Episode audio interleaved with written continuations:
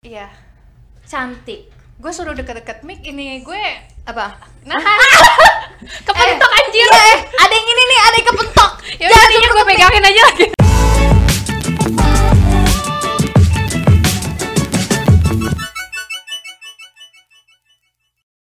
Hai hai semuanya, welcome back to M Goal Podcast. Dan pastinya podcast ini bertujuan untuk kamu para penikmat olahraga di seluruh dunia Jadi nih guys, pada episode kelima ini gue udah kedatangan bintang tamu. Biasanya kan M Goal Podcast tuh kedatangan bintang tamunya kan laki mulu ya, batangan mulu ya. Sekarang tenang aja, aku hadirkan yang seger-seger, yang cantik nih Karena di samping aku udah ada Kartika Berliana Ah, yang empuk-empuk datang ya. yang empuk-empuk dateng coy eh by the way boleh lepas dulu nih, aku udah Boleh. udah udah safety kok. Aku udah safety tes, ya aku iya. aku udah vaksin loh baru-baru Oh ini iya? yes aku tinggal tunggu aku nih. Aduh. Semangat semangat pasti Iya. bisa dan kita akan pasangin dulu dulu ya Oh boleh ya, aku pasang ya. aduh Kartika udah lama nih nggak ketemu ya Banget. jadi nih guys aku sama Kak Kartika, kakak karena jeda umurnya cukup panjang, cukup banyak. Oke. Jadi Kak Kartika ini adalah senior aku, Ci. Ah. Ya kan? Kita udah lama banget nggak ketemu ya. Parah. Aku inget banget pertama kali kita ketemu itu di di rumahku. Di rumah kamu? Iya kan? Itu pertama kali ya. Iya parah. Tapi gue tuh udah sering banget yang namanya denger nama eh, Kartika. Oh bohong. Yes, aku tuh di Ajurit. inter inter entertainment itu em, waktu itu masih baru-baru terus kayak oh ya ada Kartika Berlina. Oh sama satu Sandra Olga. Oh iya, aku yes. Sandra, Iya kan, saat ibarat satu angkatan lah ya. Iya. Gue kan baru saat itu kayak hmm, baru piik ya, baru anak baru kemarin kan. Jadi kalau mendengar nama Kartika Berliana atau Sandra Olga selalu mendengar kayak oh iya ini nih senior. Akhirnya ketemu deh waktu itu ada eh, salah satu urusan akhirnya Kak Kartika harus ke tempat aku. Akhirnya kita ketemu pertama kali untuk pertama kalinya di situ. Oh oke oke. Anyway, Kak Kartika apa kabar hari ini? Ah good banget. Good banget. Terima Iya. kasih lo udah datang di M Go Podcast. Wow. Aduh seneng banget kedatangan Kak Kartika udah lama gak ketemu. Akhirnya kita Aha. ketemu lagi. Terakhir kita ketemu tuh makan siang waktu itu bareng ya. Iya makan siang, makan donat. Makan donat. Iya. Enggak, makan ini Iya nggak spaghetti. Inget gak? Di oh CP. iya.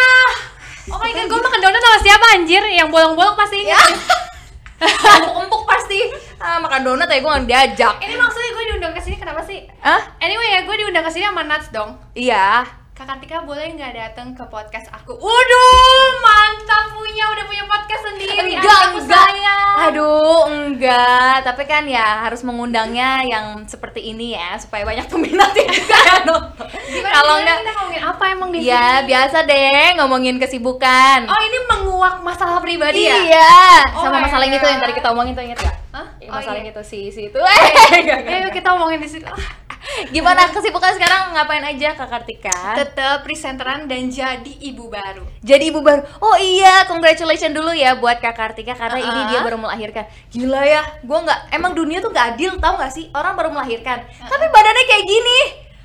Kenapa? kalau misalkan melahirkan jadi kue bantal kali ya? Atau Enggak cakwe. sih, Enggak sih. gila. Gue juga effort banget anjir eh, untuk segini lagi ya. hmm Parah sih effortnya. tapi gue inget banget kak waktu pertama kali kita ketemu ya dia itu hamil tapi badannya dia itu Itu udah ambil gede cuy. Iya, badannya dia itu gede, maksudnya eh, kelihatan bahwa saat itu ya hamil. Berisi, Cuma eh. perutnya enggak kelihatan. Ada nggak sih? Gue nggak tahu deh. Orang-orang sini pernah nggak sih ada yang hamil atau ngelihat temen lo hamil, cuma perutnya dia tuh kayak rata. Gue gue nggak rata, gue ada bayinya itu. Iya, maksudnya kayak ada. Iya, ya bener-bener. Tapi maksud gue nggak yang ini banget. Apa gara-gara belly dance? Ah, itu tuh Iya gara-gara aku dulu mungkin dari dulu aku kan lari juga terus Mhm. nge-gym juga kan, parah. Tuh. By the way ini buat yang nggak tahu, Iya. salah satu sisi Kartika yang mungkin banyak yang nggak tahu orang-orang selalu mikirnya Kartika Berliana as a presenter, presenter cantik, seksi ya nggak sih? Tapi dia dulu adalah Apa? seorang belly dancer, Oh. ya nggak? Anjir ketawa sih. Iya kan? Iya. Kan cerita. Oh iya, gue yang cerita. Eh rungsingnya kalau cewek berdua di sini. Oh iya, gimana ya? Tahu. Lo ya, ya kan kak? Dulu Aha. belly dance, benar. Iya, heeh. Ini yang orang nggak tahu, pasti orang selalu mikir Kartika Berliana itu as a host presenter. Ternyata Iya. lo adalah belly dancer juga. Dan Iya. dulu sempat ke luar negeri juga ya, pernah? Iya, parah. Ceritain Itu- dong. Jadi nggak ngerti deh, pokoknya emang nggak ada jundrungannya ya hidup Uh-uh. ini ya. Dulu jadi pengen jadi penari, terus tiba-tiba malah kuliah ekonomi, ikutlah olimpiade ekonomi. Eh tiba-tiba jadi sekarang jadi presenter. Apa gunanya masa lalu gue? Iya, kenapa lo tiba-tiba jadi presenter gitu? ya kan tau gitu gue sekolah komunikasi tau gak sih? Emang lo mau sekolah komunikasi? Mau sih gue kayak gak jelas aja ngapain gue sekolah ekonomi cuy. Iya sih, tapi kan Iya. ilmunya mungkin bisa diturunkan nanti ke anaknya, ngajarin tentang perekonomian eh, negara, ya sih? Enggak sih sampai sekarang nggak ada ya satupun kecuali uang yang kita semua tahu ya gimana Iya. cara ngitungnya. Cuan aja jago ya. Eh tapi by the way sekarang selain kesibukannya as a presenter, Uh-uh. jadi mami baru juga. Namanya siapa anaknya? Genesis, Genesis, panggilannya Gecis. Gecis juga.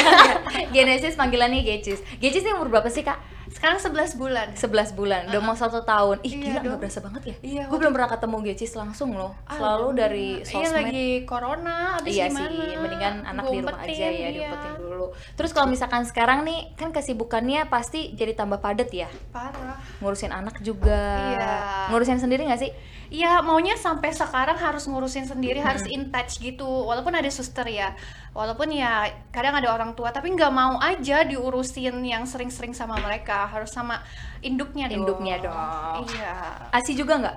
Eksklusif. Sekarang sekarang udah enggak. Oke. Karena akunya udah terlalu sering di luar, dianya juga pengertian kali ya dari kecil. Iyalah, langsung punya insting kali ya, Iya. maminya Aduh, sibuk. mama sibuk kayaknya nggak usah deh. Aku tuh Ah, mama muda boleh. jos. Gila gue pengen banget loh kayaknya kalau misalkan gue punya anak eh, salah satu panutannya Kartika deh. Ntar lo kasih tahu gue ya tips-tips untuk nge-gym dan segala macem ya. Tenang, tenang, Hmm. Tinggal bayar di belakang aja. ya. Aduh, Iya, mahal iya. ini mah. By the way Kak, lo jadi as a mom gimana sih? Seru nggak? Seru banget kayak baru pertama kali ngerasain uh, yang namanya bisa bonding sama manusia ya. Segitu Jadi sebelumnya lo nggak sama suami pun nggak? Kayak sama siapa pun cuy. Kayak misalkan lu sedih, siapa Hmm. yang sedih bareng sama lu? Siapa yang ikut bad mood sama lu? Nggak ada dong. Kayak ibaratnya lu sama laki lu deh, lu bad mood. Emang laki lu tiba-tiba jadi bad mood juga, tiba-tiba jadi PMS gitu gimana? Iya, Nggak enggak juga sih, enggak, kan? enggak, enggak. Tapi ketika sama baby, gue ngerasain banget ketika gue, apalagi pas gue baby blues, terus kayak gue eh, ngerasa bete, event gara-gara kerja, baby gue tuh rewel. Bener-bener yang moodnya seharian itu juga jelek sama kayak gue. Tapi kalau gue happy, itu tuh dia juga dia juga gitu. tidurnya nyenyak, lama tidurnya, makannya juga lahap, nggak rewel seharian. Aneh Gila sih? amazing ya. dan Jadi maksud- ketika iya dan ketika gue nggak ada nih nggak suka misalkan gue ada clash sama suster gue ada habis gue marahin suster gue lah karena satu hal itu seharian baby gue juga nggak mau sama dia. Serius? Serius. Segitu? Itu kayak di copy and paste gitu gak sih? iya. Itu makanya gue baru pertama kali sih. Gue nggak ngerti apa gue doang apa semua ibu kayak gitu ya. Ngerasain yang namanya bonding bener-bener ada dan real banget tuh sama baby ya kayak gitu Gila keren banget. Iya? Susah nggak sih ngebagi waktu antara pekerjaan jadwal kerjaan pasti kan padat apalagi Hmm. kalau udah memasuki uh, event-event sepak bola ya pasti kan Heeh. ada tuh apalagi nanti akan ada Euro juga. Iya. Susah nggak ngebagi waktu antara keluarga dan susahnya adalah Pekerjaan. yang namanya presenter kan kita harus tetap observe ya sebelum kita tampil pasti kita belajar dulu ya belajarnya itu gimana gue caranya harus ngebagi pas dia tidur siang gue belajar tuh tapi untungnya gue presenter bola kan bola kan di kita nih selalu malam gitu loh Yes. paling pagi jam berapa sih Jam jam, dua. 11 iya heeh. kalau Euro biasanya jam Heeh, dua ya. Kalau iya kalau Champions yang gue bawain sekarang kan paling-paling jam 2 terus sampai jam 5 itu jamnya dia tidur aman banget. Tapi yang nggak aman ya paling pas gue bawain basket gitu loh. Oh, kalau Kalau- basket tuh jamnya kayak gimana sih? Dia dari pagi. Kadang Hmm. dari jam 5 sampai jam 1, jam setengah 2 siang atau jam 6, jam 7 gitu. Itu paling nggak aman sih. Tapi weekend doang dia. Kalau kita ngambilnya weekend doang. Oke, jadi kalau misalkan emang lagi sibuk, Mm. baby di rumah dulu. Mhm. Emang sebetulnya paling enak jadwal sepak bola sih ya kalau Iya. punya anak. Jadi anak tidur tuh kita udah bisa kerja, Iya, ntar pagi ketemu lagi. Hatinya kayak kalau ninggalin anak pas lagi tidur nyaman, Iya udah nggak tenang, gitu lelap. Kita tuh enak kerjanya, tapi kalau lagi misalkan apalagi lagi ribuh di rumah gitu ya, lagi rewel, aduh kita tinggalin mah. Aduh di kerjaan juga eh gimana kepikiran, gitu. kepikiran Heeh. gak sih? Biasanya kalau misalkan waktu masih awal-awal nikah atau masih single kayak ya udah nggak ada beban Iya, pikiran ya mau syuting sampai jam berapapun. Sekarang kayak mikirin kayak aduh ada uh, half of me yang gue tinggalin di Iya. rumah, pengen cepet-cepet ketemu. Iya. Jadi mood booster nggak sih kalau misalkan pas pulang syuting capek? Gue nggak tahu ya, gue karena gue ngerasa kalau misalkan gue pulang syuting capek, ketemu laki gue di rumah, gue tambah bete kayak, aduh lo jangan banyak ngobrol, dong gue capek nih gitu. kalau nggak tahu ya itu tuh mood booster karena menurut gue ya ini nih menurut gue tuh gue beruntung banget dititipin dia dititipin Gage di gue itu tuh dia jadi sumber pelajaran buat gue bukan dia yang belajar dari gue tapi gue yang belajar dari dia dia ngajarin gue caranya ngontrol emosi karena happy mommy happy baby udah pasti Oke. Iya kan? Dan dia ngajarin gue juga untuk ibaratnya ya gue kontrol lah hidup gue. Jadilah mama yang baik dan gue akan jadi anak yang baik. Itu kerasa banget walaupun gue baru 11 bulan jadi ibu. Ngerti gak sih? Iya. Kayak ya gue beruntung banget lah dititipin sama dia sama Tuhan lah. Iyalah punya anak tuh Mm. karunia yang luar biasa ya, titipan yang luar biasa dari Tuhan. Terus sekarang Geci sudah bisa ngapain aja, Mam? Ah, parah, udah aktif banget. Udah bawel-bawel hidupnya. nggak sih? Ih, parah. Gue nggak ngerti deh dia barang satu detik pun nggak bisa diem, Nats. Bener-bener ngegeruyung mulu. Bener-bener semua kayak mama, papa, mbak. Udah bisa kayak manggil? hai, muah, segala macam. Aduh, udah bisa udah, iya udah bisa ngapain aja deh, udah parah deh, udah julid. Lucu kayak mamanya dong ya. Ah, Enggak dong, kayak pendiam kayak papanya. Kakak Artika, Heeh. sekarang waktu eh, sekarang badan udah kembali lagi. Iya. Seperti belum punya anak sebelumnya Emang badannya. iya ya? Enggak belum, iya. enggak belum cuy. Serius. Justru dulu sebelum punya anak gue Kok lebih ada kurus lagi? gue Gila ada lo. apa ya ada sedikit garis-garis di perut ini gitu kan Heeh. sekarang belum muncul gitu gue nggak tahu kenapa tuh Garis-garis maksudnya stretch mark kayak lean gitu gimana sih kayak agak uh, semi nggak six pack sih ya mungkin four pack. Four pack, oke. Iya, Cuma kelihatan kayak- abs-nya. abs banget lah gitu kayak Dulu itu dulu maksudnya. kayak sebelum hamil Ya sekarang lo mau abs dari mana kan abis ngelahirin. iya makanya kayak sekarang susah banget Tapi bisa sebetulnya dibentuk ya, Harusnya cuma bisa. lebih effort kali ya. lebih effort dan gue ya kan lagi nggak rajin banget gitu loh karena Oke. capek banget cuy ya begadang mulu tiap hari Iya lagi lah abis, habis badan. champion kemarin mah Makanya, kalau misalkan dulu sebelum punya baby olahraganya kayak gimana? kayak hampir tiap hari Hampir tiap hari. Itu se-gym edik itu ya? Iya parah gue edik banget sama olahraga. Kalau dulu tuh gue nari bener-bener tiap pagi loh. Jadi dari zaman gue kecil Jadi sarapan sambil nari? gue sarapan di tempat nari bayangin. Orang belum pada dateng gue gue sampai dititipin kunci tempat nari gue. Jadi orang tuh pas kuliah gue udah datang duluan ke tempat nari baru gue kuliah. Segitunya? iya. Tapi serius deh, sampai saat ini kadang gue masih suka bingung sama orang-orang yang bisa edik sama olahraga. Maksudnya it's a good thing, itu Iya. positif gitu ya lo olahra- olahraga pagi. Gue juga punya temen cowok dia itu bisa olahraga tiap hari, setiap pagi. Kadang kalau misalkan dia nggak sibuk banget pulang Mhm, kerja, mhm. gym lagi kayak ya iya gue aja bangun dari tempat tidur aja sulit gitu loh. Ih, parah, parah, parah. Parah edik sih. Makanya sekarang kayak udah eh, susah banget nyari waktu buat nge-gym tuh kayak ada kayak agak sedih gitu loh sampai mempengaruhi mood. Serius. Tat, tunggu tunggu. Tadi selalu sempat bilang sekarang mempengaruhi mood. Sebelumnya juga Iya. sempat ada baby blues. Baby bluesnya tuh kayak gimana sih? Gue jadi takut. Baby blues itu gue nggak ngerti sih ya kayak tiba-tiba gue ngerasa mungkin karena pengaruh pandemi corona juga kali ya gue ngerasanya gue adalah orang yang sangat-sangat triple double Moody. aktif gitu loh jadi harus Oh. setiap hari gue tuh ngapain gue nggak bisa diem aja di rumah nggak ngapa-ngapain gue harus ada yang gue lakuin dan itu menurut gue harus produktif entah uh, positif buat uh, badan gue atau penghasilan gue Oke. iya terus uh, pas lagi setelah melahirkan itu gue literally nggak ngapa-ngapain kan dan gue baby gue lagi tidur mulu aja Yes. dan gue nggak tahu gue harus ngapain dan corona juga kan semua sport diberhentiin Di- iya, betul, betul. lo ngerasa nggak sih kita langsung nggak ngapa-ngapain Iya benar. Pokoknya ada presenter, ada satu atau dua bulan yang bener-bener job gue tuh kayak langsung ya nggak nothing, ada hampir almost Iya, nothing ya. ha,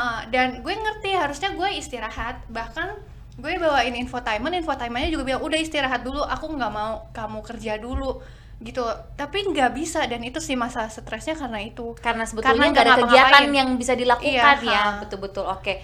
Tapi sekarang udah ngejim-ngejim lagi. iya udah nge-gym lagi. Badan ada nggak sih otot ada nggak sih? aku tuh nggak suka yang otot ya tapi Jadi- karena aku perempuan jadi mungkin kalau aku nyebutnya otot feminin ngerti gak sih kan ada Oh, oke. yang berotot Yes, yang ini deh Iya. tone arms banget. Iya, mungkin kayak aku sebenarnya pengen banget kayak Cinta Laura aku suka banget sama badannya dia Iya, dia Menurut kelihatan lean, shape-nya. shape, berotot juga tapi feminin ototnya. Bukan otot cowok gimana sih? Bukan maskulin. Iya, bukan yang serem gitu ya kan Iya. ada kayak bulky banget Iya, gitu juga ya ha, ha, ha. tapi olahraga apa yang paling eh, disenengin kak Kartika sama suami Weightlifting sih. weightlifting Iya. aduh berat gak kuat aku baru gini aja ah berat berat berat gitu Tapi ya, gue ha itu olahraga yang paling gampang banget bikin lo shape gitu. Serius Serius, apalagi kalau dibarengin sama kardio. Karena dengan weightlifting itu tuh lo uh, gampang banget mangkas lemak. Gimana sih caranya cepet buat Oke. uh, kurus? Pastinya ngilangin lemak kan. Iya. Gimana caranya ngilangin lemak cepet? Bikin otot, bikin otot cepet caranya gimana? Weightlifting. oh dibantu dengan kardio juga jadi Iya, kardio tuh buat plus weightlifting Iya, kardio tuh buat ngilangin si lemak ini. Tapi kalau terlalu banyak juga otot lo juga kepangkas gitu. Oh Jadi ya kadang kan ada yang bilang eh, kita lihat dulu nih lo mau kardio after atau before lo weightlifting tergantung tujuan lo tuh apa gitu. I see tapi kalau misalkan badan kayak gue nggak usah kardio lah ya tetap Hmm. harus lo buat kesehatan jantung segala macam itu tetap. Oke, kardio tuh contohnya apa sih kayak treadmill gitu-gitu Ya, kan, lari, cycling. Iya, cycling juga bi- bisa, cross training juga bisa. Oke, kalau misalkan olahraga lebih seneng ditemenin suami atau sendiri? Dua-duanya sih senang. Enaknya ditemenin suami apa sendiri Oh. kalau nge-gym ada partner itu beda banget loh karena kadang kita tuh harus karena aku nge-gym udah dari before sama si suami kan Iya. nah eh, ketika kalau dulu minta banget ditemenin PT karena kita kadang pengen banget tuh dalam seminggu ngangkat yang eh, beratnya itu nggak seperti biasanya lebih berat dari angkatan biasanya Oh, dan itu biasanya harus ada asisten Iya, untuk itu buat ngeliatin ya. otot dan juga untuk nambah level lah ibaratnya gitu. Nah, ketika kamu ngangkat ada dan tidak ada partner untuk ngejagain itu beda banget mentalnya. Kayak ada sugesti walaupun partner cuma ngangkat tipis ya bantuin Iya, iya, tipis. iya. Tapi karena kita udah sugesti oh ada yang bantuin, ada yang jagain gak bakal jatuh nih ban gue, ya udah lo tuh jadi kayak Pede. ng- pede ngangkat dan uh, latihan lo tuh level up gitu. Oke. Mhm. Kalau misalkan nggak ada, justru Ya kayak udah, "Kan latihannya ntar gue aman-aman aja lah ya ya seperti biasa aja lah ya nggak usah aneh-aneh nanti diketawain lagi kalau gue jatuh malu ya. Kalau di gym tuh gue kadang suka yang kepikiran malu tau nggak kayak Iya, ntar misalkan gini salah, iya nggak sih? gitu kan Kok gue jadi, gitu sih kok gue nge-gym jadi overthinking gitu, gue males gitu kayak, aduh ngapain Cewek ya? Iya, kayak kalau nggak ikut kelas aja dulu Iya, kalau Body misalkan di gym biasanya aku gitu. tuh lebih suka aja Iya. ikut-ikut kelas kayak zumba Iya.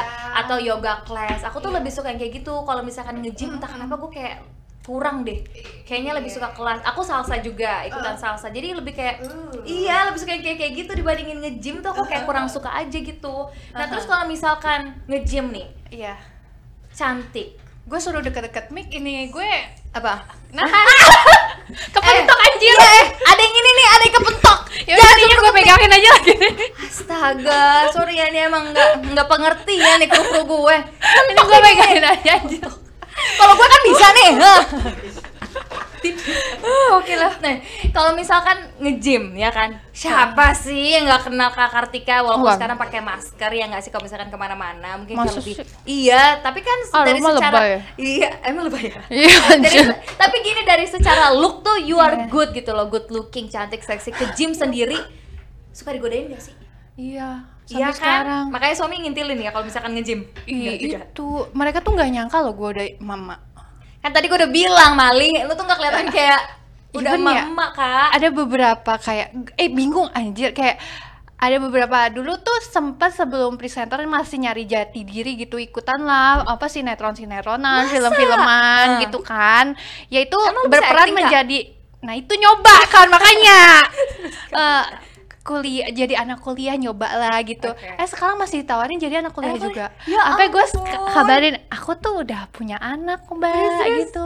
Terus kadang juga kalau di tempat gym nih kalau lagi nggak sama laki laki padahal cuman di bagian yang sana gitu. Iya kan Gua bisa kadangnya. sini, gini Iya, kan. iya. Gym kan gede ya. iya kuliah di mana? Padahal muka gue udah uzur banget gini gitu kan parah makanya kayak oh my god gue udah ibu-ibu anak satu harus kuat-kuat iman deh Iya kan, ya Iya. ampun. Kok gue gak pernah ditanyain ya kuliah di mana ya?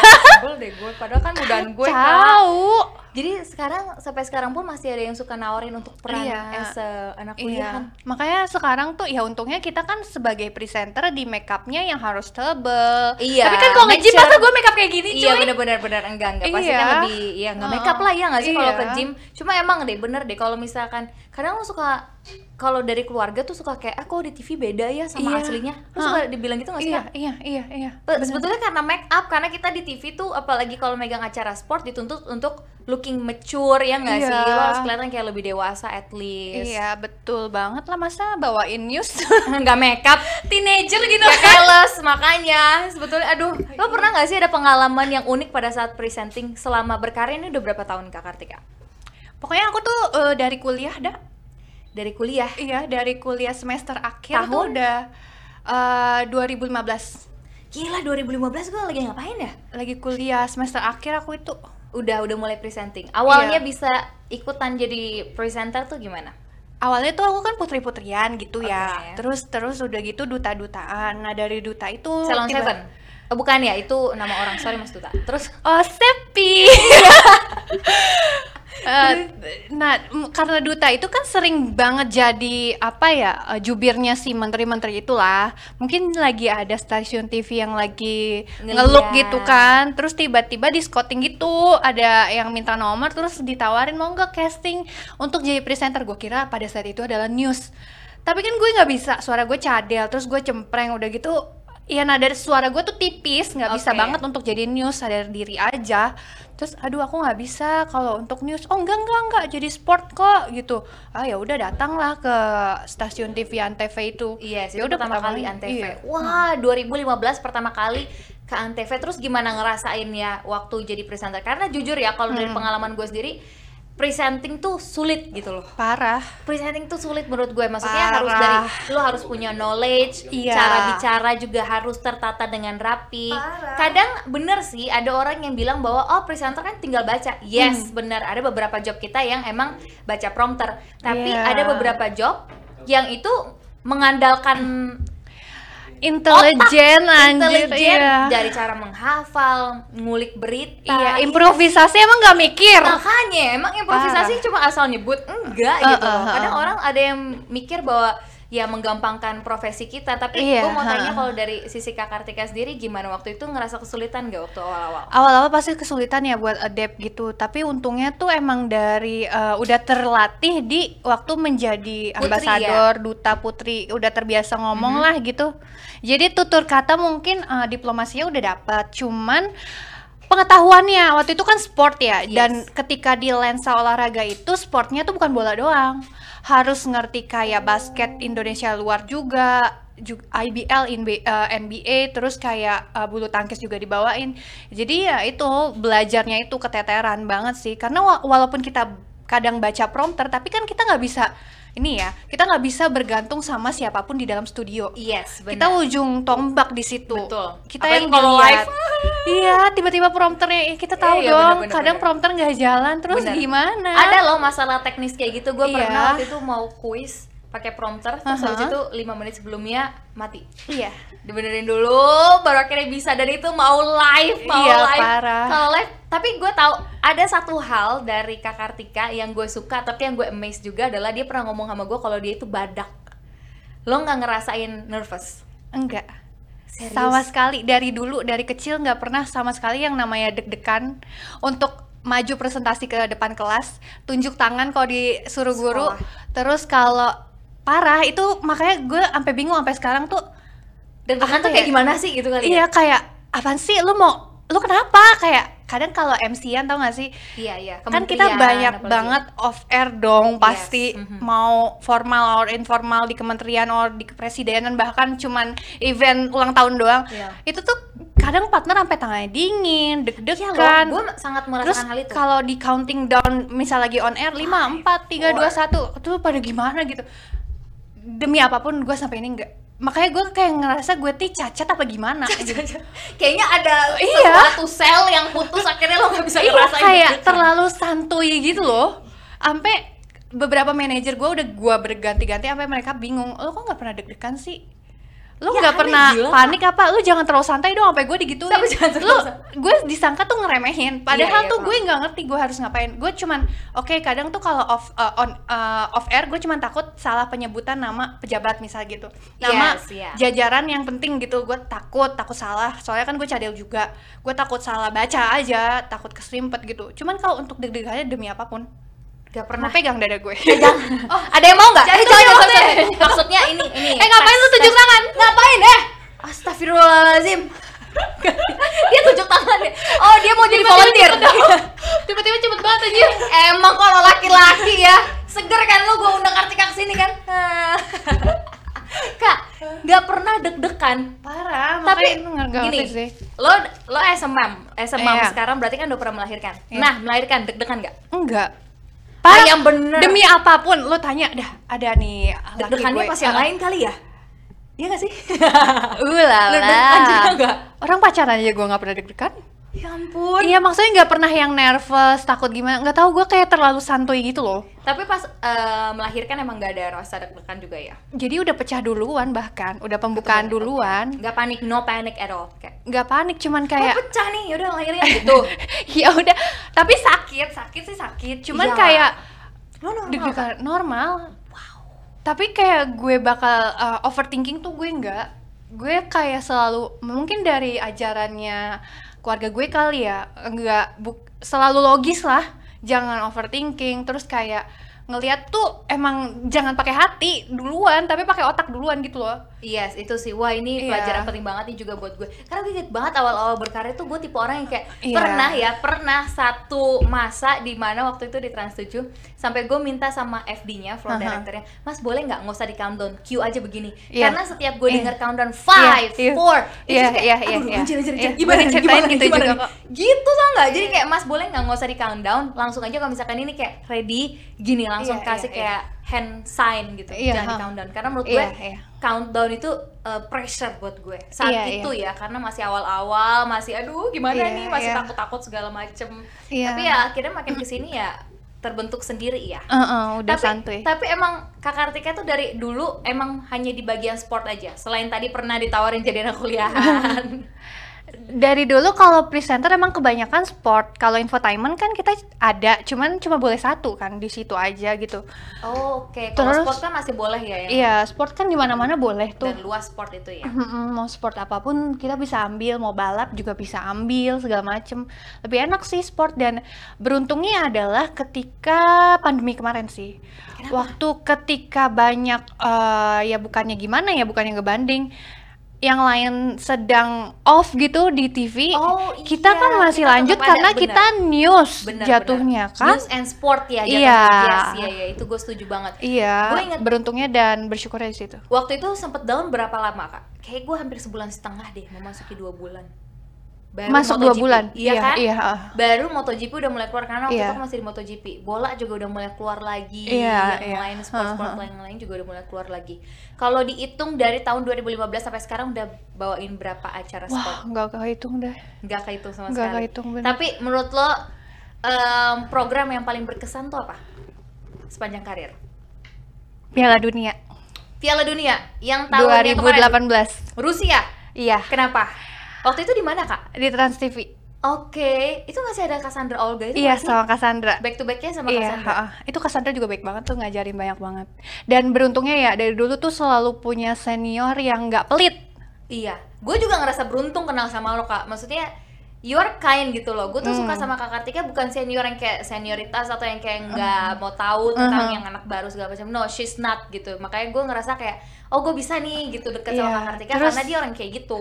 nggak pelit job juga Gak pelit job juga. Iya, ya biasanya kan orang kayak takut kesaing orang segala iya, macam lah. enggak, gue gak selalu Iya. nggak percaya dengan hal kayak gitu. Pokoknya Iya. Gue selalu percaya bahwa setiap individu itu adalah spesial dan lo Mhm. punya capability, skill Iya. masing-masing. Jadi Aha, kalau aha. orang mikir kayak ah gue takut taruh saingan sama dia, gue selalu nggak percaya dan maksudnya TV station tuh luas banget men, olahraga tuh luas Iya, banget. Parah, parah. Iya nggak sih? Jadi waktu itu em, di Trans TV sama Kak Sandra Olga. Ya, Cassandra, terus ada uh, Kak Dona Agnesia. Oh, Kak Dona masih juga Iya, dari 2018 itu ya? Masih, dan itu dari dulu tuh gue ngefans banget sama Dona. Iyalah, sama Najwa. Shihab, Dona Agnesia, Terry Putri. Itu Oke. tuh gue ngelihat dari dulu gue suka banget sama cewek yang pinter jadi kalau misalkan banyak banget artis tahu cantik tahu banget charming tapi gue nggak nggak bisa ngefans gue lebih ngefans sama pembawa berita nggak tahu kenapa dari dulu sama sama menteri sama presiden wanita pokoknya sama yang wanita-wanita yang pinter-pinter Ya, gitu lah parah smart ya. Oh, dan mereka em, yang tadi kamu bilang itu idola yang emang sosoknya mereka itu Iya. emang pintar. Bayangkan gue ngelihat dia banget. live bola, wah langsung banget, langsung melting banget sih kayak ini idola dari gue kecil dulu. Oh, iya lah gila Dona Agnesia tuh. Kalau Kak Sandra Olga aku tahu pas baru masuk-masuk entertainment waktu itu. Oh, iya, masuk. Tapi kalau eh, Kak Dona Agnesia kayak buset Iya siapa sih yang nonton dia parah, dulu? pinter banget, iya. Emang bola tuh kayak ngelotok banget ya untuk Iya, heeh. Terus waktu dulu Rusia Piala Dunia support siapa? Inggris. Inggris pastilah anak MU ya pasti Inggris ya pertanyaan macam apa gue Eh, tapi gimana Inggris di Piala Dunia 2018 kecewa dong Angis, Langsung nangis. walk out ya. Eh tapi kan nanti Euro Iya, bagus ah, tapi, lah. mm, ini kayaknya masih belum bagus-bagus gak sih? Eh, kayaknya masih belum begitu meyakinkan ya untuk Inggris nih. Semoga sih ada perombakan yang lain ya. Oke. Iya, ha, oke, masih oke. belum meyakinin. Tapi di Liga Champions oke lah ya. Dua tim Oh, oke, kita bahas Liga Champions Oh, nih ya. yes. Ini finalnya adalah All English. Yes, Jadi ada English. Chil- uh, City, ada Chelsea. Menurut gue itu bagus banget sih Nat. Uh, Nat. Karena apa ya? Gue ngerasanya nih, ngerasanya emang gue nggak ngerti deh ya. Ini si City ini harusnya udah bisa guide something lah di Eropa gitu ya. Contohnya? Udah eh, u- maksudnya kayak juara di level Eropa apa pun dah harusnya Oke. begitulah. Kayak dia tuh penasaran banget nih sama champion udah berapa lama season terakhir ini kan. Makanya gue berharap banget dia tuh eh enggak ketahuan dong gue ya dukung City. Iya. Oh, enggak sih, maksud gue terserah sih si Pepnya mau kayak gimana. Cuman kan kita pasti nunggu bisa nggak sih nih si Pepnya itu ngebuktiin City bisa nggak sih Juara. jadi juara di Champion dan emang dari mereka dari zaman fase grup sih ya menurut gue mereka kan juara grup ya.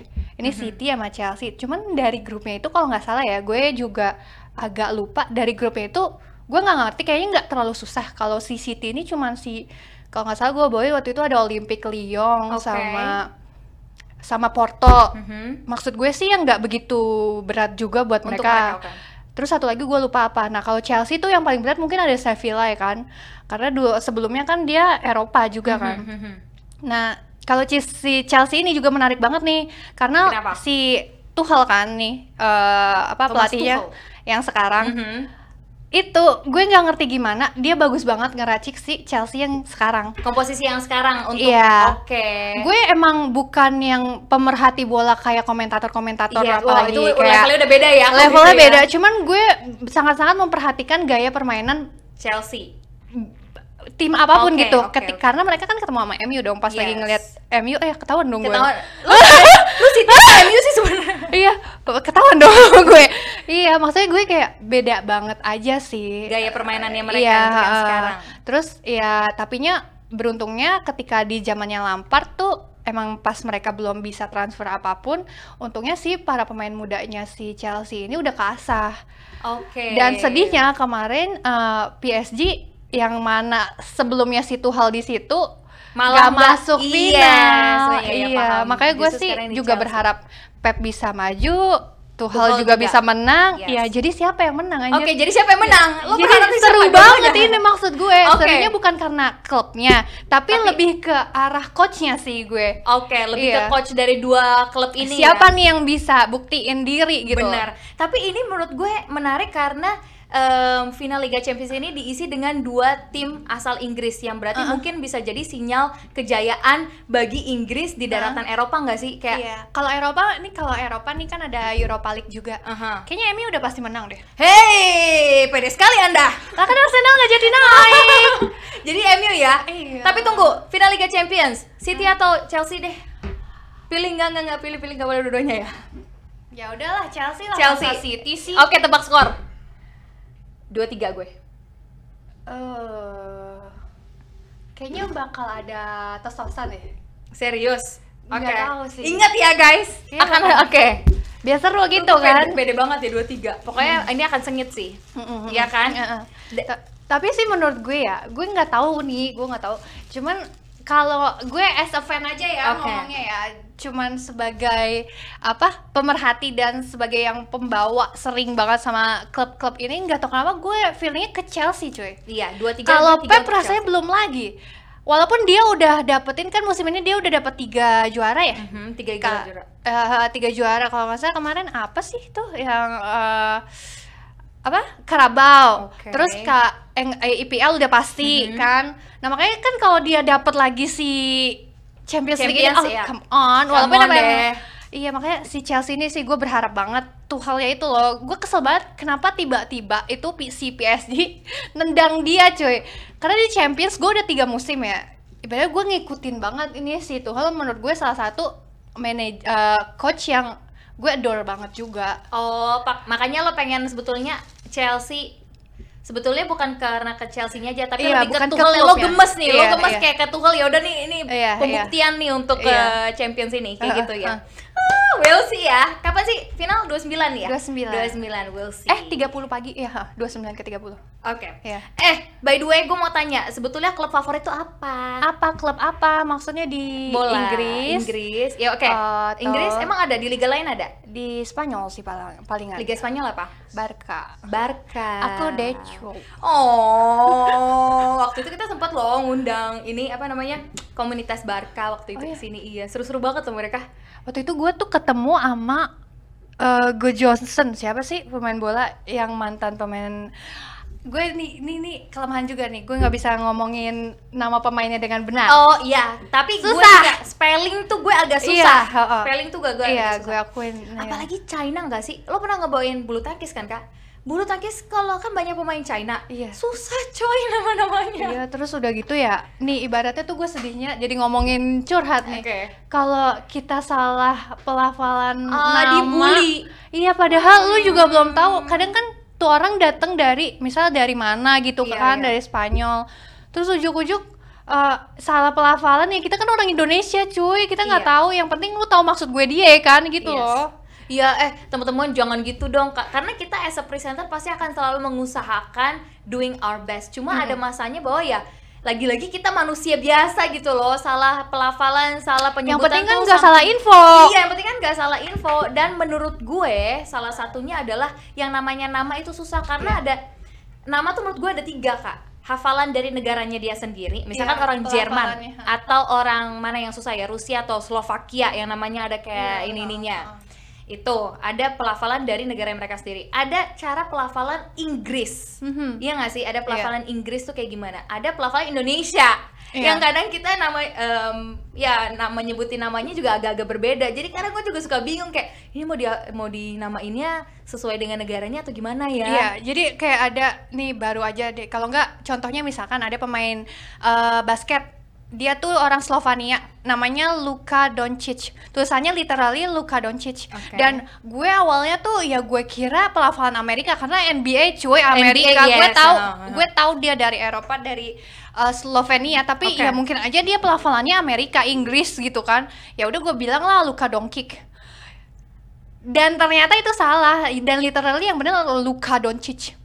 Doncic sesuai dengan tulisannya Iya, Doncic Doncic dan Doncic terus lu dibully atau dapat info dari komentator? Dapat infonya dari tim. dibilang salah Kayak ah, pelafalannya itu harusnya Doncic sih gitu.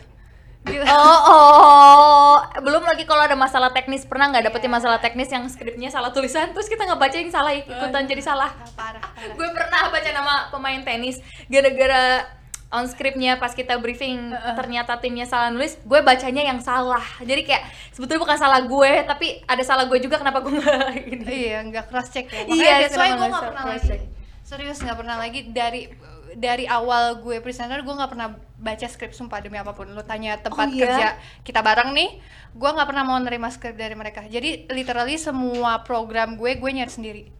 Oh, tapi emang bagus gitu namanya sport ya. Iya. Jadi kayak kebentuk gitu lebih lagi tentang Iya. knowledge kita. Bukannya Gue juga- ngeremehin ya, cuman kita harus kayak effort lah namanya kita kerja di sini ya. Iya benar, karena kan ini ngandalin knowledge kita sendiri juga ya. Mhm. Ah seru banget, emang kehidupan presenter itu seru banget ya. Iya, Dari semua pekerjaan yang udah pernah lo cicipin nih kak, apa yang paling menurut lo, ya ini gue banget. Gue gak pernah kerja apa-apa Iya maksud gue maksudnya.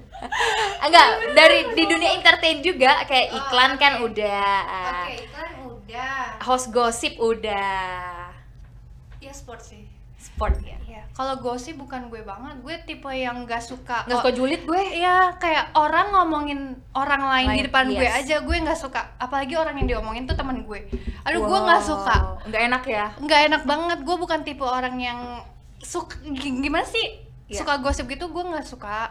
Gue tahu ada yang itu menarik. Gue tahu itu menantang bagi sebagian orang Mhm. gitu untuk tahu kehidupan orang. Cuman gue nggak suka. Gue sukanya yang kayak ya udah tuh orang baik buat gue sama gue dan kayak dia juga hidupnya bahagia bahagia aja. Mhm. Yang kenapa gue harus rusak sih? Kenapa gue harus julitin? Iya bener bener bener. dia salah apa ke Dia gue salah- gitu nangis jangan nangis dong. itu dia kayak podcast podcast ini dong yang menguak kenyataan hidup Iya gitu dong. biar ratingnya naik Hei, makanya guna Kartika.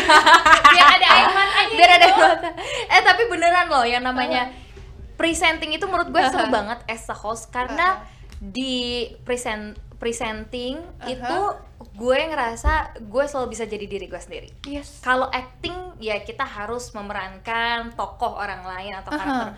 Gue sama sekali nggak membandingkan atau menjelekkan eh, pekerjaan lain atau para seniman lain, tapi kalau untuk gue pribadi one of the thing that kenapa gue suka banget di presenting karena gue selalu bisa jadi diri gue sendiri kayak Iya. ya udah gue bawanya kayak gini yang ceplos-ceplos misalnya gitu Iya, heeh. atau kayak cara ngomong gue emang begini atau kayak Iya, Kak Kartika iya. yang ngomongnya kayak gitu ya nggak Uh-huh, sih iya, kayak lo iya. you don't need to acting atau Iya, apa segala iya, macam cuma gue pernah punya cerita lucu waktu itu kan aku juga sekolah acting Mhm, mhm. terus kayak oh ya pokoknya gue sekolah acting nih biar gue bisa dapat film segala macam oh iya Iya kan Terus gimana? terus habis itu ini gue udah kebanyakan presenting kalau casting film kok gue jadi kaku tau gak sih kak Oh, iya? iya karena kebiasaan kayak ngomong kayak gini jadi pas Oh. acting tuh gue justru ngerasa kok kayak kaku kayak bukan gue gitu iya ya. justru gue ngerasa kayak terus kaku. lo ngapain di sekolah iya terus gue ngapain Eh, gue inget waktu gue ke rumah lo kak, gue pergi dulu ya. Gue Mau lagi sekolah, masih ke iya. rumah lo.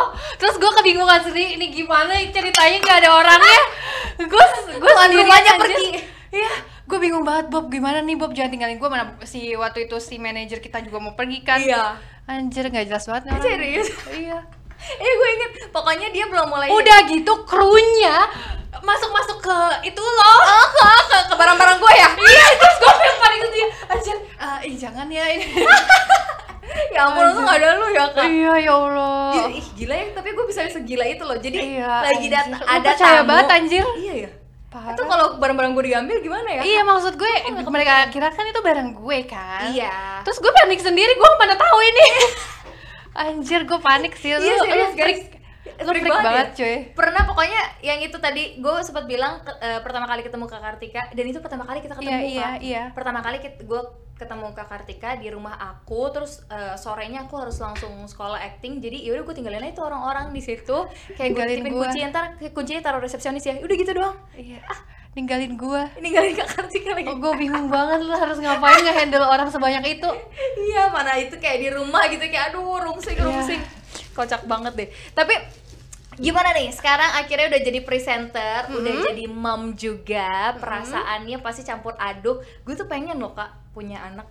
Cih jadi ngomongin gue. Eh. Tapi gue pengen loh. Maksudnya punya baby tuh sesuatu yang ini gak sih? Iya. Sesuatu yang cute banget. Terus Ah, bisa dimodel-modelin.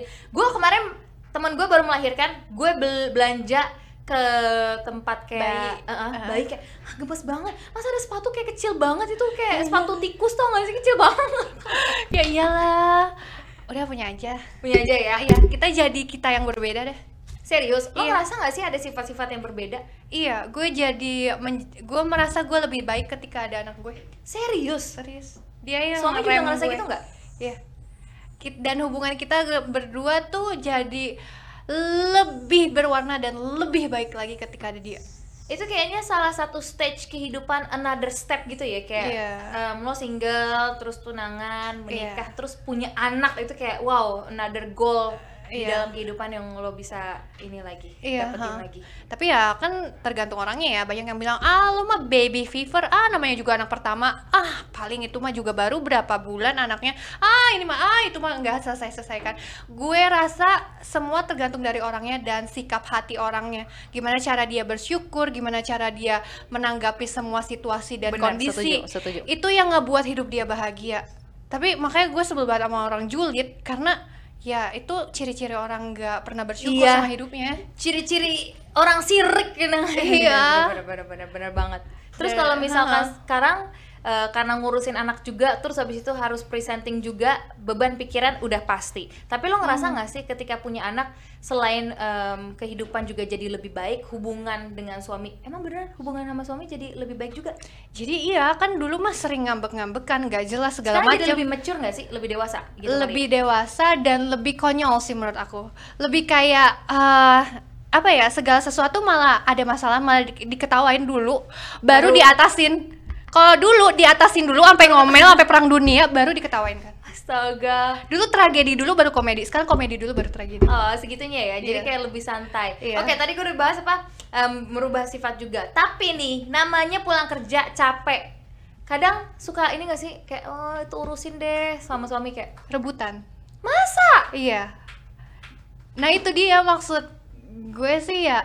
Gue nggak tahu ya dari dulu kan emang emang tipe yang suka banget sama anak kecil dan cita-cita dari masih kecil bahkan dari SD Pengen- pengen banget punya panti asuhan, Oh. pengen banget punya TK. Jadi dari dulu emang suka main sama adik-adiknya teman gitu loh. Mhm. Aduh pengen deh punya TK. Jadi kan banyak anak adik-adik kecil gitu. yang bisa diajar-ajarin Iya. ya. Apalagi kan lo punya background juga ada Uh, kan kayak uh. maksudnya bisa dikasih tahu juga ke anak-anak kecil bisa Iya, ngajarin juga. heeh. Oh gemes. Makanya pas punya anak tuh pengen banget punya anak lima. Ah gila lo, ya kali. Beneran kucing kali ah. Berharapnya gitu. jadi yang target punya anak berapa? lima. Serius? Ini lo gak Serius, bercanda? serius gua. Ditanya sama siapa pun mau punya anak berapa lima. Ya ampun, gila gue punya anak satu aja kayak udah kepikiran kali ya Kayak gue Iya. pengen punya anak one day satu atau dua deh Cewek cowok gitu pasangan. Cewek cowok Itu paling ideal sih. Standar ya, ideal ya Mm-mm. Jadi lo lima Banyak juga ya Iya terserah deh mau cewek semua, cowok semua, mau cewek pokoknya cowok. Heeh. emang Oh berarti emang Kak Kartika ini suka eh, anak kecil dari Uh-huh. dulu Dan emang pengen punya anak, cita-citanya pengen punya anak banyak Iya. Oh, cute abis. By the way, Mm-mm. gue pengen nanya, sekarang lagi bawain program apa aja sih? Lagi sibuk-sibuknya nggak sih sekarang? Karena kan lagi musim-musim bola. Iya, kan mau Euro tuh. Iya, Udah sedikit pasti. lagi. Eh, terus sekarang basket, lagi playoff. Lo basket emang ngerti dari dulu atau akhirnya belajar juga sih kak? Ini kan eh, suami tuh kebetulan tuh dulu pemain Main basket. basket. juga kan main-main basket gitu. Oh, emang atlet? Eh, dia dulu nggak atlet basket sih, cuman dulu tuh emang segala olahraga diambil deh gitu. Nah terus udah gitu ngerti basketnya, cuman kan lagi-lagi sama kayak kita waktu masuk ke presenter Iya, bola, awal-awal eh, belajar Iya. lagi dari nol. kita memang suka sama MU, kita memang suka sama Barca. Barca. Cuman only that team aja gitu loh kita taunya pengetahuannya. Gimana dengan tim lain ya harus kita pelajarin gitu juga sama basket. gitu juga sama basket. Tapi Iya. menurut gue basket agak ribet gak sih? Lo hebat lo. Parah. Lebih, leb- menurut rulesnya dari sih, rulesnya itu lebih parah eh, ribetnya, rulesnya. Oke. Tapi lo ngebawa ini live ininya, matchnya. Live match. Wah, jadi dari apa yang kejadian di situ langsung dikomenin, Iya, langsung nanya ke komentator segala macem. Iya, heeh. Gila hebat banget. Tapi kalau kayak gitu suami bantuin juga nggak sih ngasih tahu? Enggak. Kalau awal kalau gue nanya ya bantuin, tapi Dibantuin. kalau nggak nanya apa-apa ya nggak nggak Ya, pa- pernah. pasti Ya kita as a presenter fokus nonton kali ya Iya, kayak ha, ini kejadiannya apa aja Ha, yang ini, ini segala macam. Wah, seru banget. Terus kalau bola Euro dikit lagi bergulir dengan siapa? Inggris ya, udah Inggris pasti, ya. Tapi kok nggak yakin ya? Kita- tapi berjuang Selain lah. Inggris apa? Backup tim dong. Hmm. Gue nggak ada sih. Gue pokoknya kalau nggak Jerman ya Jerman. Kalau nggak Jerman. Ya eh, kurang ada sih yang lainnya ya. Masa Inggris sih banyak loh Prancis. Prancis pemainnya buset kak, Iya, Mbappe tahu, di situ. tahu. Tapi ya gimana kalau suka masa nggak Iya. dipaksa? Iya bener bener bener bener Iya. bener. Kalau misalkan dari liga liga liga tadi ada liga Inggris, Mm-mm. MU ya. Kenapa suka sama MU? Wah itu mah udah dari dulu banget, udah dari udah dari udah dari jauh deh. Pokoknya udah dari dari gaya mainnya yang dari dulu deh. Pokoknya udah dari dulu udah Jadi memang dari dulu udah suka MU. Iya. Karena pemainnya kah? Iya pasti Atau kalau cewek dulu kan pasti gara-gara pemainnya. pemainnya. Terus entah pasti gimana pemainnya dulu ya. Dulu jago, dulu jago. Mm-mm. Terus Jadi sekarang nggak jago-jago kok itu. Jago-jago. nomor dua. tapi tadi lo sempat mention lebih karena eh, gaya bermainnya mereka. Iya, terus kayak macam-macam lah. Banyak dulu kan pemain yang kita suka di situ. Kayak gitu. Terus apa lagi? Kalau misalkan MU sekarang siapa sih yang lagi ini? Bruno. Fernandes. Iya. Tadi gue sempat nanya ya, Apa? Bruno Fernandes bener nggak sih jadi kayak Messi di Barca? Nggak gitu dong. Yang lain juga bagus. takut, takut. yang lain juga bagus Iya kok. bagus. Oh, oh. Jadi kalau misalkan emang nggak ada Bruno, MU bisa lah ya kalau misalkan nggak ada Bruno Fernandes tetap bagus mainnya gitu. Eh, Yakin? Iya, masih bisa yakin Oh, lah. bisa. Saya Oke. kasih kesempatan aja lebih lama sama Oleh. Oke oke. Ya gitu deh. Tapi kabarnya Oleh kemarin tuh bener gak sih?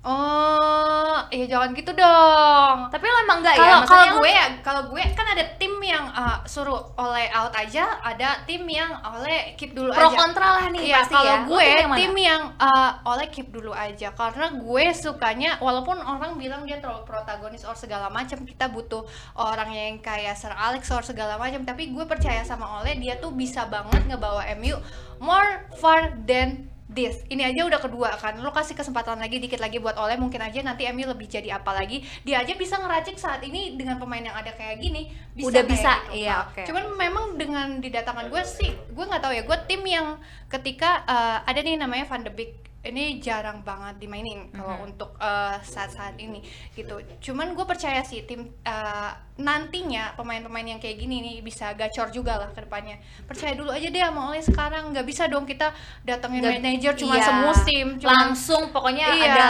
ininya. nggak bisa kayak gitu harus ada Proses. Iya. Oke. Udah jangan ganti-ganti dulu lah. Sekarang aja orang sekarang aja udah udah step up banget kok ibaratnya gitu. Oke, Sabar. Iya, sabar. Itu dia kuncinya. Kalau itu ya sabar, gue ya ya. mbok sabar kok. Tapi ya kalau tim-tim yang kontra seru oleh oleh silakan. Iya. ada kan maksudnya Iya. pendukung-pendukung MU sendiri yang emang Iya. pengen kayak udahlah ganti Iya aja kayak, dulu. nah apalagi sekarang kan dia hampir saja mendapatkan Europa League nih. Yakin oleh disuruh keluar. Tuh. Jangan loh. Serius dah. Tuh, Iya, oke sabar. bagi fans MU yang pengen eh, kontra dengan adanya Iya. oleh di MU tunggu lihat ini Kak Mm, Kartika sabar penjelasannya dulu. sabar dulu ya. Heeh. Eh satu nih, gue mau nanya Apa? tanggapan as a presenter yang udah lama di dunia entertainment. Mm-hmm. Jadi presenter bola. Sekarang lo ngerasa nggak sih bahwa eh, presenter atau host atau artis-artis tuh bisa datang dari banyak tempat-tempat lain? Contohnya aplikasi Iya. ya nggak sih? Heeh. Gimana tanggapan lo tentang presenter yang eh, keluarnya hanya dari aplikasi-aplikasi kayak gitu? Atau nggak harus presenter deh, artis-artis misalkan? gue takut gitu ngomong. Jadi, ini gue jujur aja ya namanya di podcast. cantik. Gue gue Atau misalkan eh, dengan sorry ya, dengan kata lain men- em, menang tampang doang, gitu. Eh jangan dong.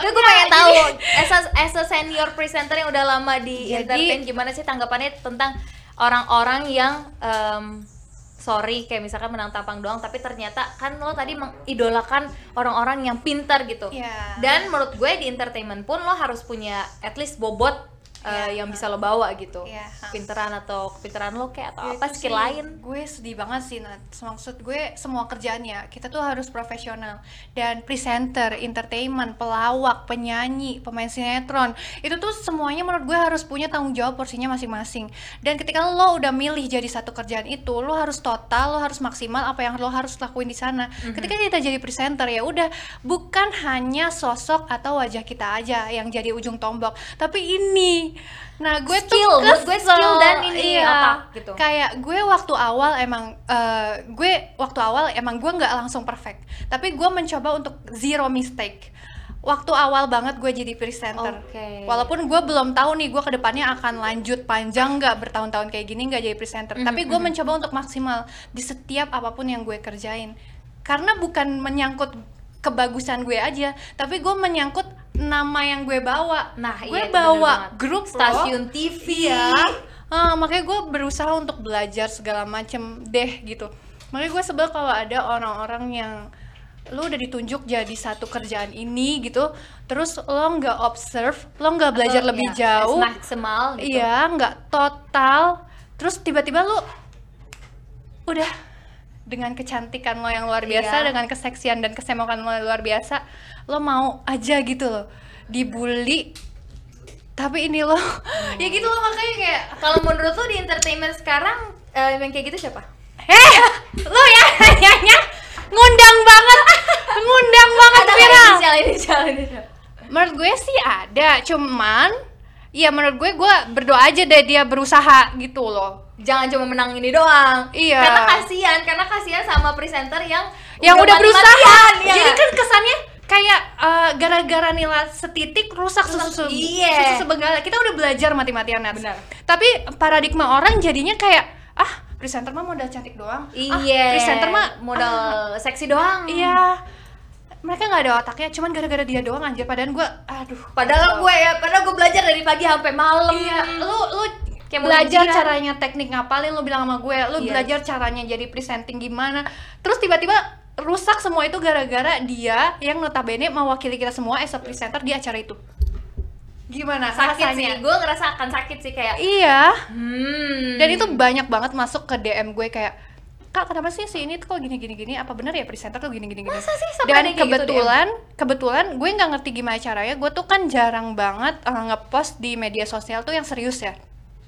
Pasti caption gue tuh ya udah sekenanya aja. Hmm. Tapi yang following gue itu, yang follower gue itu lumayan kritis orangnya. Mungkin karena mereka penikmat olahraga ya. Iya, bener-bener bener. Jadi tuh selalu nanyain yang eh, kenapa sih ini gini, kenapa itu gitu. Menurut kakak ini gimana? Menurut kakak itu gimana gitu loh. Even presenter lain yang Iya, ditanyain sama ha-ha. lo kak. kadang kadang gue sedih aja. Kak kenapa sih yang acaranya bukan kakak aja? Ini tuh nggak banget segala macam. Kan gue jadi sedih padahal kadang ya padahal gue tahu mungkin dia baru tapi mungkin dia mau berusaha gitu loh. Jadi kayak gitu-gitu kan gak gue balesin tapi gue at least jadi tahu pada hari Jadi itu. nangkep ya Iya. pesan-pesan orang tuh kayak gimana. Iya, jadi tahu pemikiran orang, wah iya juga ya gitu loh. Sedih sih gue. Semoga sih mereka lebih berusaha gitu. Iya Nggak, gue nggak bilang kita udah perfect, gue nggak bilang kita udah uh, hype banget. Cuman gue berusaha kayak se- setidaknya gue nggak bisa jadi dok Dona Agnesia, gue nggak bisa Iya, jadi iya. Najwa Shihab. Setidaknya gue mendekati jadi mereka bisa nggak sih? Kalau gue berusaha pasti bisa dong, gak ada yang nggak mungkin. Iya, benar benar benar. Ya nggak sih?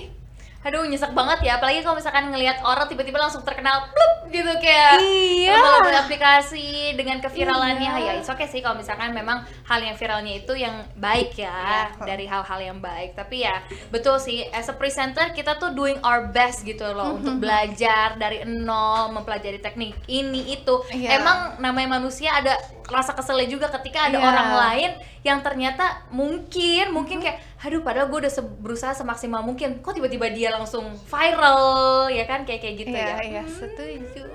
curhat lu ya. Curhat gue banget nih. Eh tapi ada nggak sih eh, tips untuk em, bisa pinter tentang pengetahuan sepak bola? Mungkin teman-teman ada yang penasaran.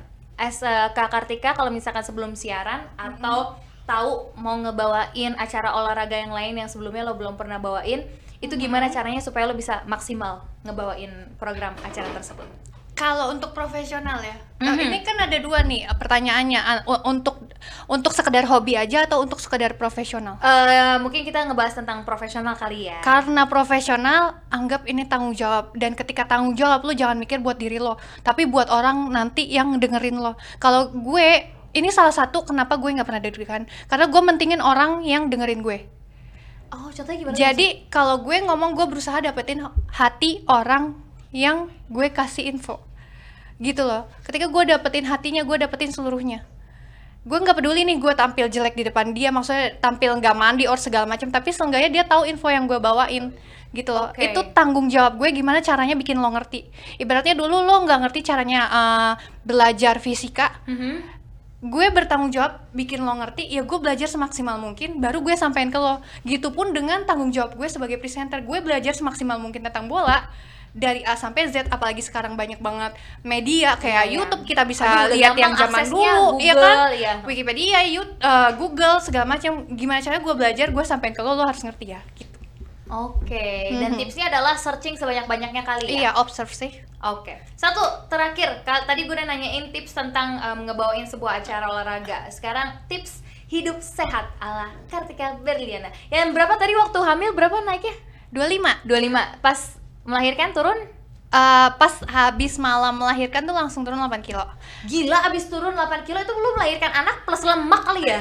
Eh, gue ngelahirin dosa juga sih. Yaudah gue ambil besok deh biar dosa gue berkurang Iya banyak banget itu 8 Iya. kilo tapi babynya berapa kilo? 3,1. Iya berarti itu yang 4,9 Gua nggak ngerti dah itu apaan.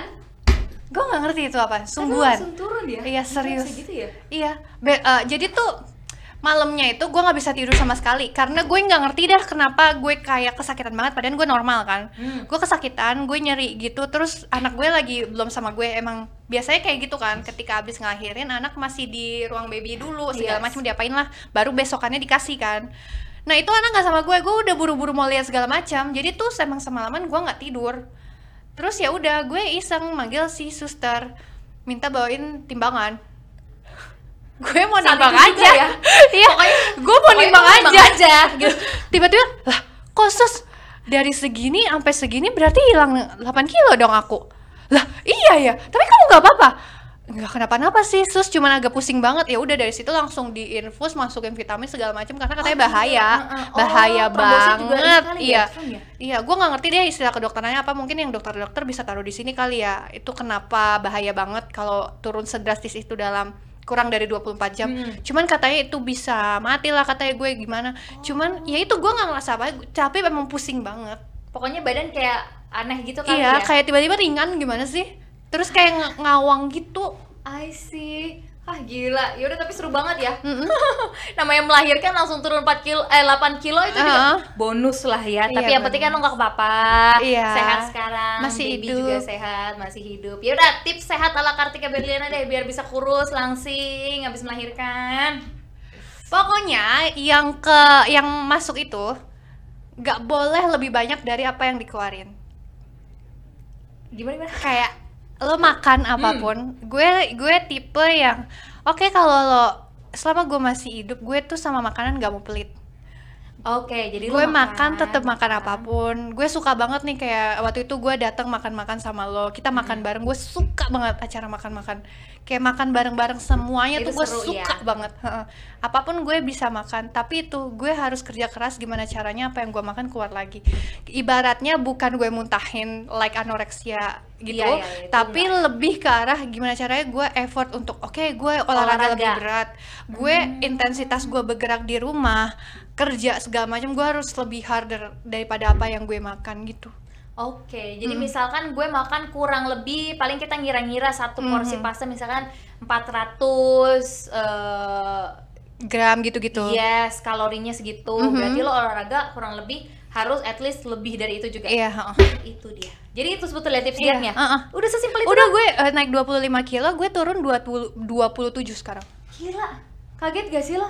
25 kilo turunnya 27 Tapi ini masih ada program diet lagi atau enggak? Atau udah segini aja? Kayaknya masih deh agak kurang ya Serius? serius gue Tapi lo target kalau misalkan mau ngur- ngurangin berapa kilo? paling 2 kilo lagi dah 2 kilo lagi Udah sih, udah pas segini eh. Orang udah disangka anak kuliahan ya baru melahirkan gile aja loh. Tapi anyway, seru Aha. banget undang Kak Kartika di sini. Makasih Iya. udah mau ngobrol-ngobrol bareng Makasih ya. udah diundang. Terima Aha. kasih banyak juga. Eh, em, kasih dong dikit harapannya untuk para presenter Indonesia harapannya untuk atau eh, dunia entertainment saat ini.